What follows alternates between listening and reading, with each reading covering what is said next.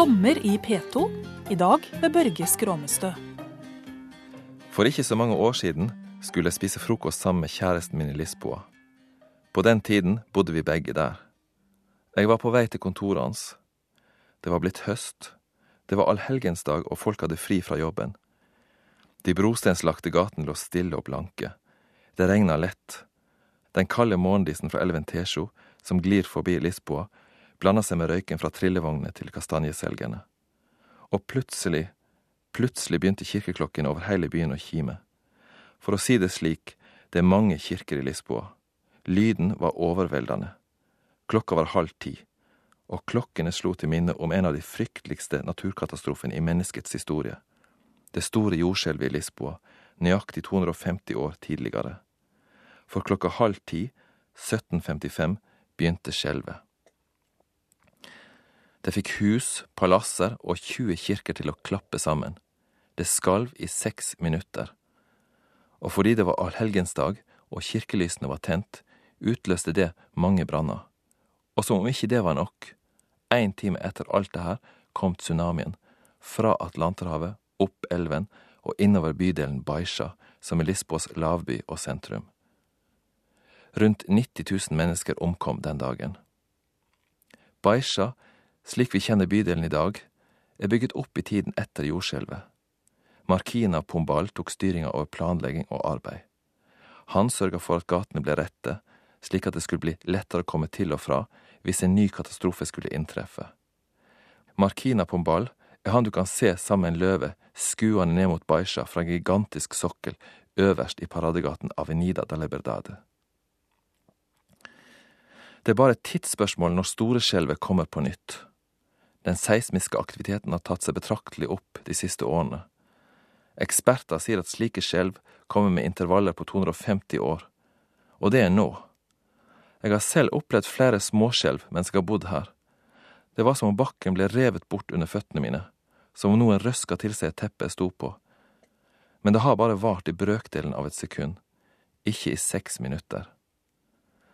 Jeg har blitt en del av et gammelt hus i Lisboa sentrum. Da vi pussa det opp for et par år siden, fjerna håndverkerne flere lag med maling fra den flotte inngangsdøra vår, heilt til vi kom inn til treet, og rissa inn i treet sto døras og husets årstall, 1756, året etter jordskjelvet. Leiligheten vår ligger i en liten trappegate som går opp til Saint George-borgen i Lisboa, eller Castellet. Bydelen heter Castello. Den ligger inneklemt mellom de mer berømte bydelene Moraria og Alfama. Moraria var den gamle arabergettoen, der maurene bodde.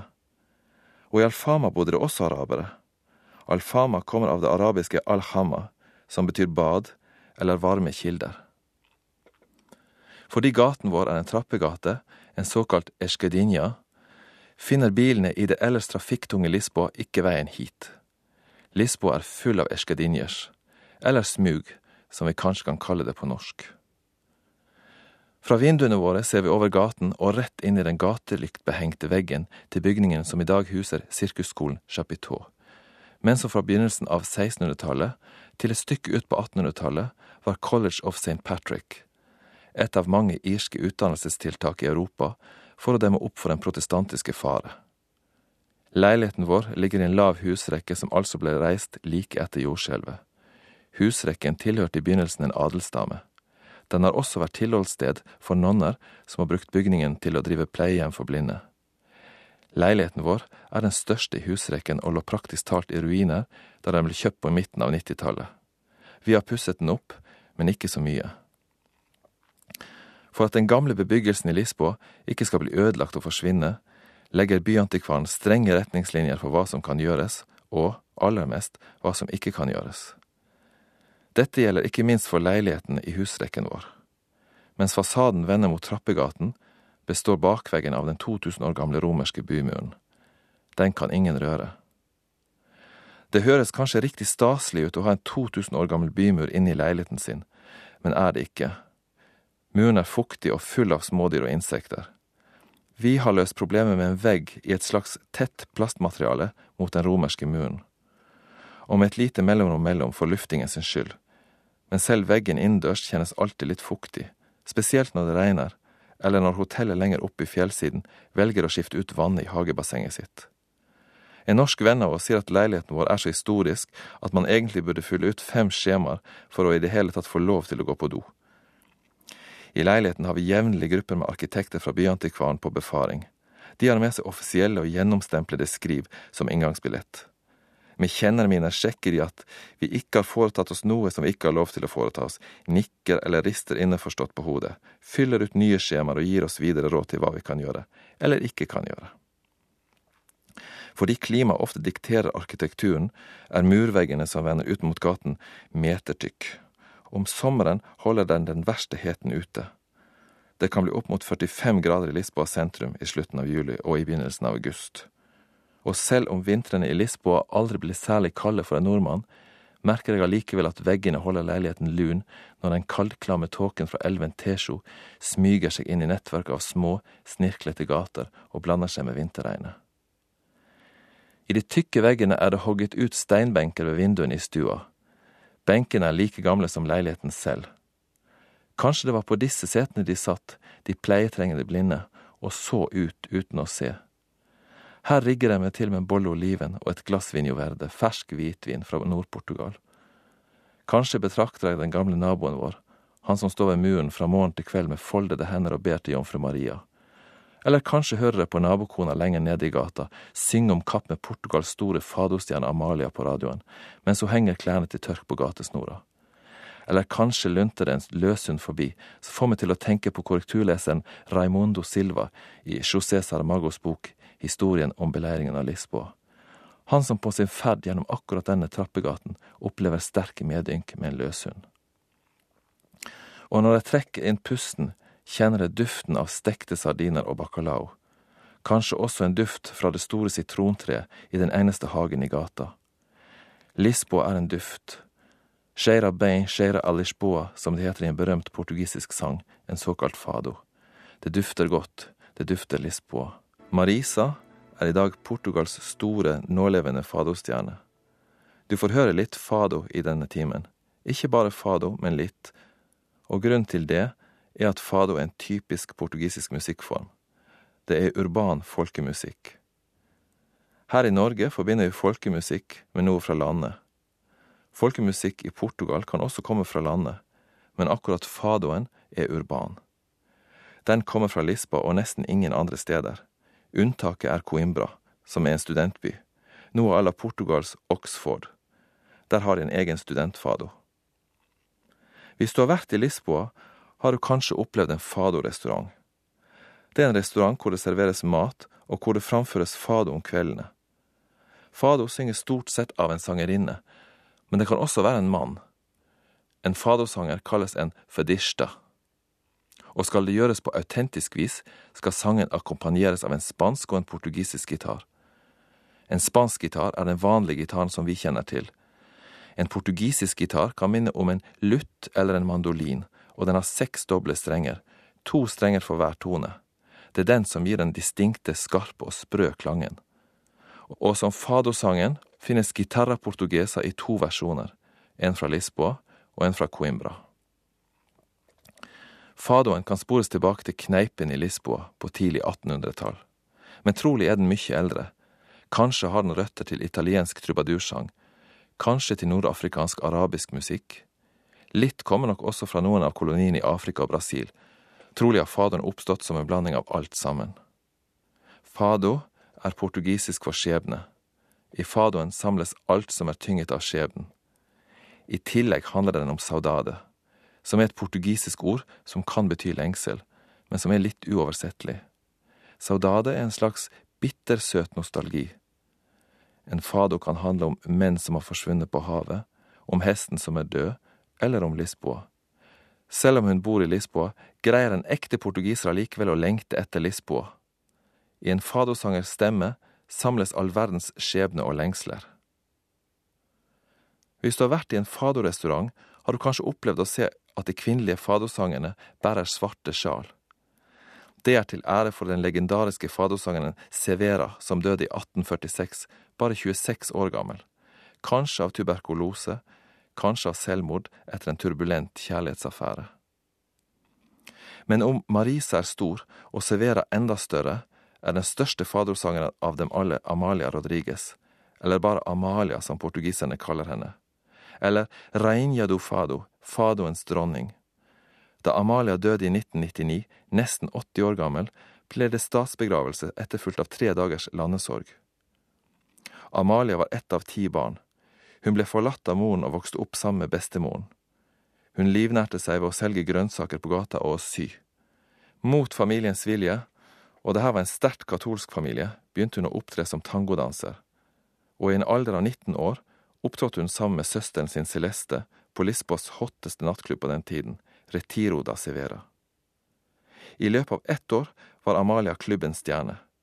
Hun var så god at når det ble avholdt fadokonkurranser og Amalia skulle delta, trakk alle de andre seg. Ingen sang som Amalia. En god skuespiller var hun også. Neste gang du er i Lisboa, skal du gå inn i en DVD-butikk og kjøpe en av de fantastiske fadofilmene som ble laget med henne.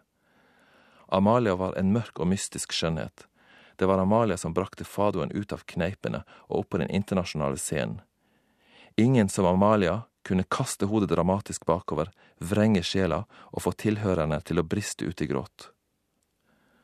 Man sier at en portugisisk husru skal kunne lage 365 forskjellige bacalao-middager, én for hver dag i året. Eller for å si det med en portugisisk TV-reklame, bacalaoen er norsk, men tradisjonen er portugisisk. Jeg kan ikke lage en eneste rett, og spiser de alle ute. Lisboa Noit ligger i Bairo Alto. Mange tror at Bairo Alto betyr gamlebyen, men Alto betyr ikke gammel, men høy. I motsetning til Baisha, som er lavbyen i Lisboa, er Bairo Alto høybyen. Så når jeg skal gå fra leiligheten og til Lisboa Anoit, går jeg gatene ned fjellsiden fra kastellet, krysser Baisha, går opp gjennom Chiado, som er et fornemt bolig- og shoppingstrøk, med alle de store merkevarene og med Portugals egne designersuperstjerner, som Anna Salazar, og inn i nettverket av gater som utgjør Bairo Alto. Bairo Alto er en merkelig blanding av det gamle og det nye Lisboa. Det tradisjonelle og det trendy. Her finner man hele spekteret. Fyldige mandige grønnsakskoner med bart, til syltynne flanører med like mye underhudsfett som iman. Bairo Alto kryr av småbutikker med klær, sko, plater, bøker, vin og annet som er viktig for at man skal kunne kalle seg et menneske. Favorittshoppinggaten min heter Roa da Rosa. Butikken er åpnet til langt på natt. Det er lett å gå seg vill i Bairo Alto. Folk som har bodd i Lisboa i hele sitt liv, går seg vill i Bairo Alto, så det kan være lurt å ha et begrep om hvor man skal. Og hvordan man kommer seg ut igjen når man skal hjem for kvelden. Det er masse narkotikasalg og småtyverier der, og smart å ikke rote seg helt bort. Kikk i kartet før du går ut på gata, ikke kikk i kartet på gata klokka fire om natta, da er du solgt. Jeg innbiller meg at restaurant Lisboa Noit tidligere har vært en stall. Her serveres tradisjonell portugisisk mat med en moderne touch. Servicen er hyggelig og fokusert, noe som ikke er så vanlig i Lisboa, og er man stamgjest, som meg, får man ekstra god service. På bordet settes det fram olivener, pau alentejano, som er rugbrød fra Alentejo-regionen, og queijo de acitao. Det er ost som er så myk at man kan skjære hull på toppen og hente den ut med skje. Alt det her kan man velge å spise eller ikke spise. Grunnen til at jeg sier det, er at det her ikke er gratis. Nordmenn føler seg lurt når de finner det på regninga, men sånn er det i alle restauranter i Portugal, hver eneste en.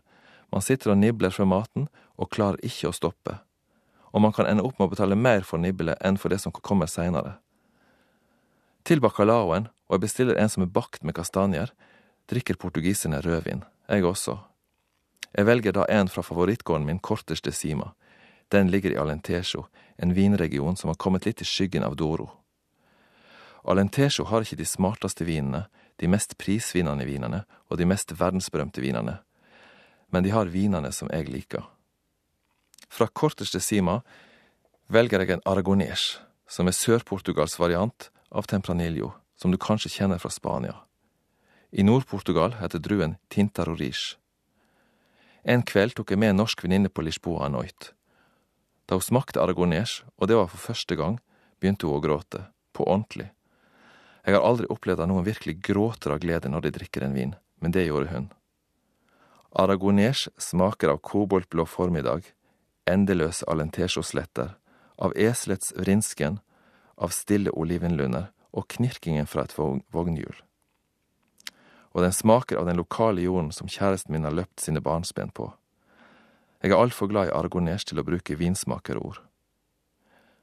Til dessert spiser jeg babado camelo, eller sikkelet fra kamelen, som er en pudding, eller jeg spiser en arrosdose, søtris. Dette er to av de mest tradisjonelle dessertene i Portugal. Jeg drikker omabika til slutt, som er en espresso, gjerne med en massiera til, portugisernes eplebrennevin. Etterpå pleier jeg å overtale følget til å bli med på en bar i nærheten som heter Seti Museo, Den syvende himmel. Da jeg første gangen kom til Lisboa, ble det her øyeblikkelig min favorittbar. Liten, trang og lurvete, og der setene var husker eller disser som hang fra taket. Og så har de en egen DJ, selv om bare to stykker kan danse om gangen. Med årene har Den syvende himmel blitt modernisert og strigla. Huskene borte, og interiøret er loungy og internasjonalt. Men de serverer fremdeles Bairo Altos beste caipirinhas. Caipirinha, en drink fra Portugals tidligere koloni Brasil. Den består av knust is, lime og cachaça, sukker og sprit. Der kan vi bli stående og vrikke til diskomusikken og fylle på med caipirinhas til byen våkner til en ny dag. Du hører en podkast fra NRK P2. Det er svært vanskelig å være vegetarianer i et land som Portugal. Jeg er sikker på at mange portugisere ikke engang veit hva en vegetarianer er. Og det er svært vanskelig å være avholdende.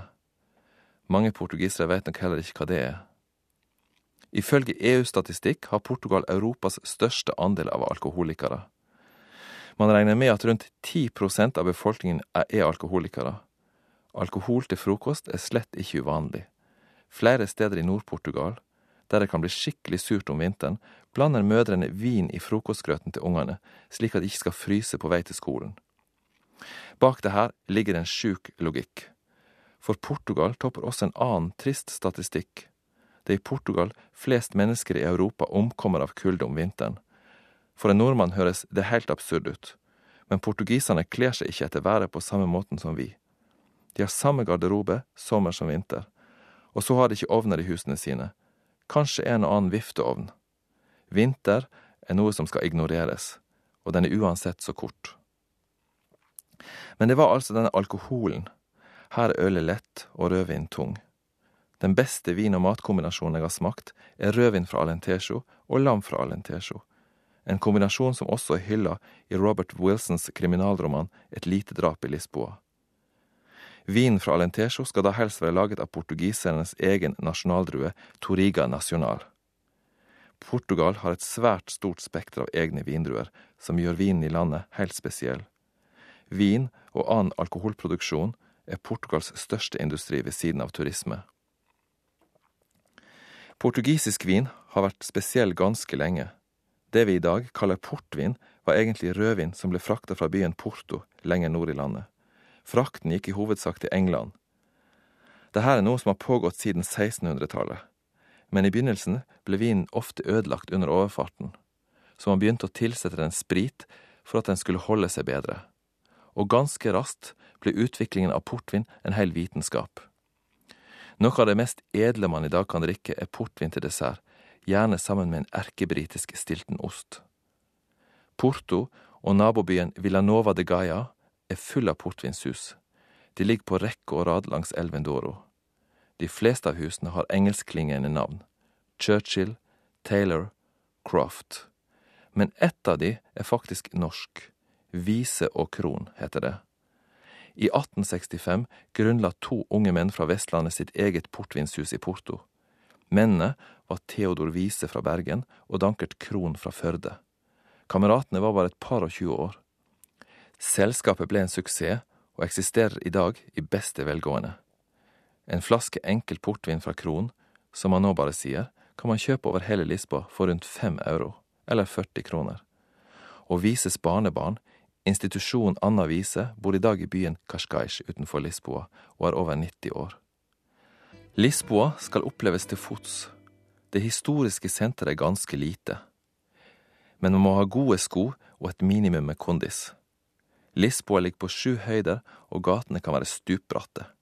Den vakre brosteinen, ofte lagt i mønstre som skal bringe tanken hen på Portugal som sjøfartsnasjon, som på Rosioplassen for eksempel, er heller ikke alltid helt tipp topp. Store hull og sprekker her og der.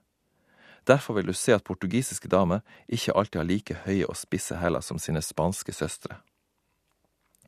Fra den lille franske balkongen min hørte jeg en gang en amerikansk dame nede på gata klage over at Lisboa bare bestod av oppoverbakker. Alle bydelene er fine å gå i. Det er også fint å gå opp den store avenyen, paradegaten Avenida Liberdade. Den bygget portugiserne én meter bredere enn Champs-Élysées i Paris, som et fingerpek til franskmennene. Skal du bevege deg over lengre avstander, anbefaler jeg de vakre trikkene som skjærer gjennom byen i de fleste retninger. Trikk nummer 28 er min favoritt. Tar man den fra endestasjon til endestasjon, fra Grasa til Estrela, skrangler man seg gjennom noen av de vakreste stedene i Lisboa. Blant annet forbi C-katedralen, bygget i middelalderen som biskopens sete. Denne kirken ble for øvrig bygget over en moské. Man gjorde slike ting den gangen bokstavelig undertrykking, for å si det slik. Men i dag foregår en utgraving i kirken som avdekker den gamle moskeen, og folk kan komme og se.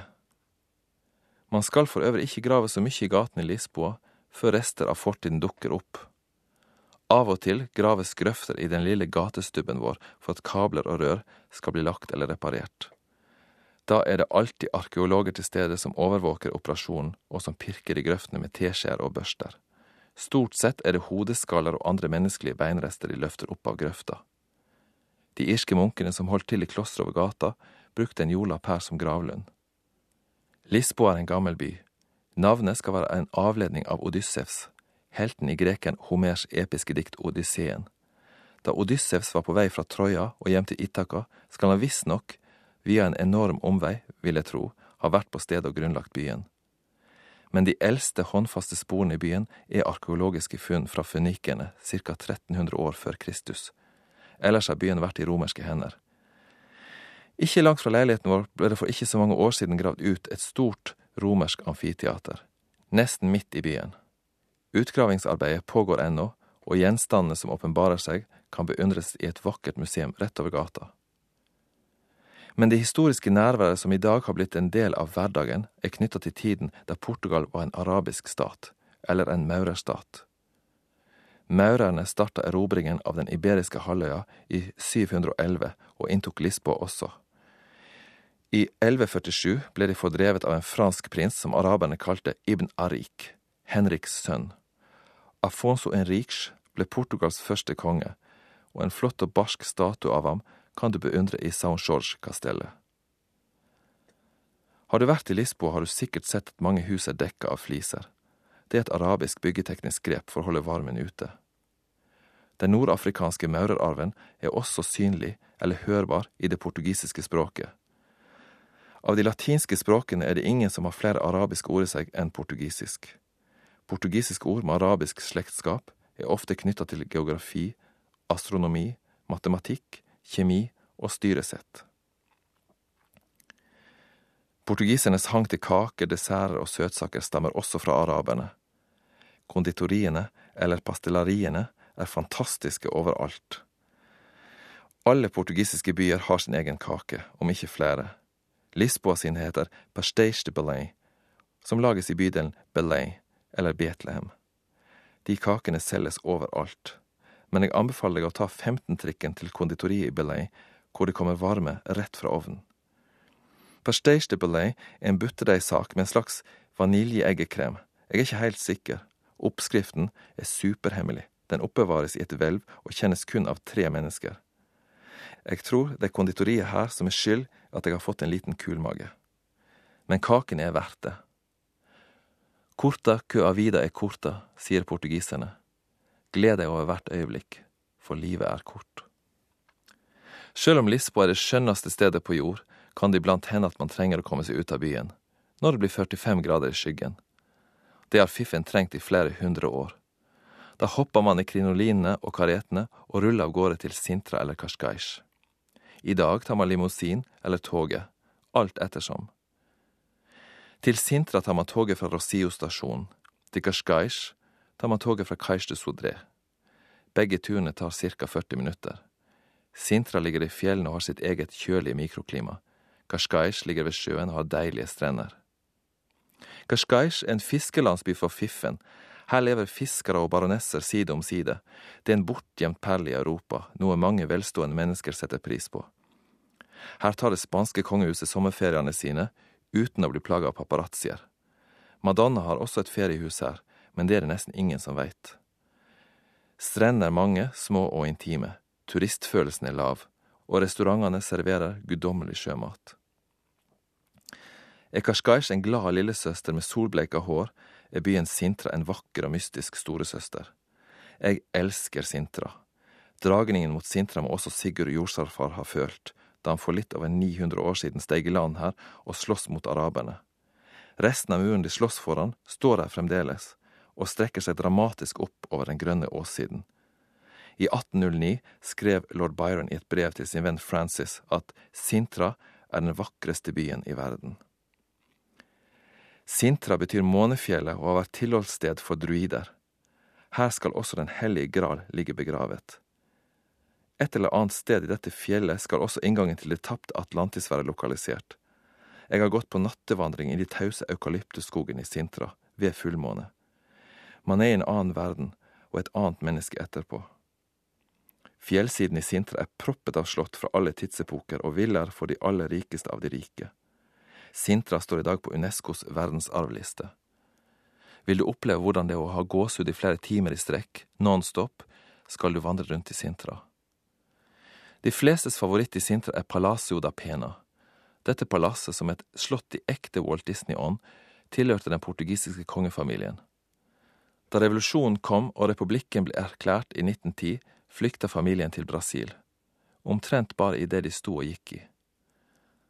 De befant seg i det her palasset da det smalt, og alt står som det sto den gang. Tekopper, asjetter, oppslåtte bøker. Det er som om de kongelige bare reiste seg og dro. Min favoritt i Sintra er Quinta da Regaleira. I dag er det her en park med et lite palass. Begge deler kan besøkes, beundres og beskrikes av publikum. Eiendommen tilhørte i sin tid den brasilianske og steinrike edelstensimportøren, altså steinrik i bokstavelig forstand, Antonio Augusto Carvalho Monteiro. I palasset står en del av gjenstandene hans utstilt. Mange av dem bærer monogrammet hans, CM. Spøkefullt sier man her at CM står for Caga Millones, som er portugisisk for driter millioner. Parken og palasset ble oppført i årene 1904 til 1910, på en tid da mystisismen var på sitt mest høyglamorøse. Så den gode CM nøyde seg ikke med å hyre en skarv arkitekt til å gjøre jobben. Han hyret en scenograf fra La Scala i Milano, Luigi Manini. Parken et nettverk av okkulte mønstre, magiske vannfall, sjeldne planter og mystiske grotter.